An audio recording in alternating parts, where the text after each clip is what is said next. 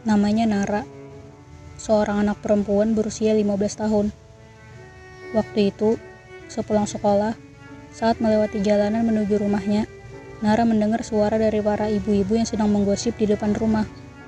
Mereka berkali-kali menyebutkan nama Nara dan menunjuk Nara terang-terangan. Saat Nara menoleh dan memperhatikan para ibu-ibu itu satu persatu, mereka justru semakin nyaring berbicara. Eh, kamu itu nggak malu apa masih sekolah padahal udah mau jadi ibu gitu? Kata ibu-ibu yang pertama. Sumpah ya, Dek. Kalau saya jadi orang tua kamu, malu banget punya anak kayak kamu. Luarnya doang kalem dan kelihatan alim. Tapi dalamnya duh sampah banget. Ujar ibu-ibu yang kedua. Bilangin sama orang tua kamu, Dek. Kalau didik anak tuh yang bener. Jangan jadi kayak gini, bikin malu. Ucap ibu-ibu lainnya sambil menimpali.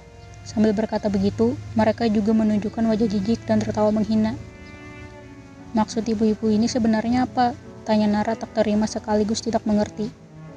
Oh alah, jangan pura-pura polos kamu, Dek. Kasihan bayi yang ada dalam perut kamu itu. Dia nggak ngerti apa-apa sama perilaku sampah kamu itu. Sahut ibu-ibu itu setengah ngegas. Saya tidak tahu ibu-ibu ini dapat kabar dari mana, tapi yang jelas itu semua nggak benar. Selepas berkata begitu, Nara pun berlari meninggalkan para ibu-ibu itu yang justru tertawa terpingkal-pingkal. Hal itu tidak berlangsung hari itu saja.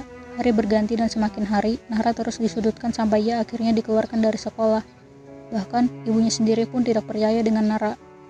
Padahal, bukti kalau Nara hamil itu belum pernah ada sama sekali. Atau memang karena memang tidak ada. Karena tak ada yang mendengarkannya sama sekali, Nara pun mengakhiri hidupnya dengan loncat dari atap lantai tiga rumahnya dan terjatuh di halaman belakang rumah.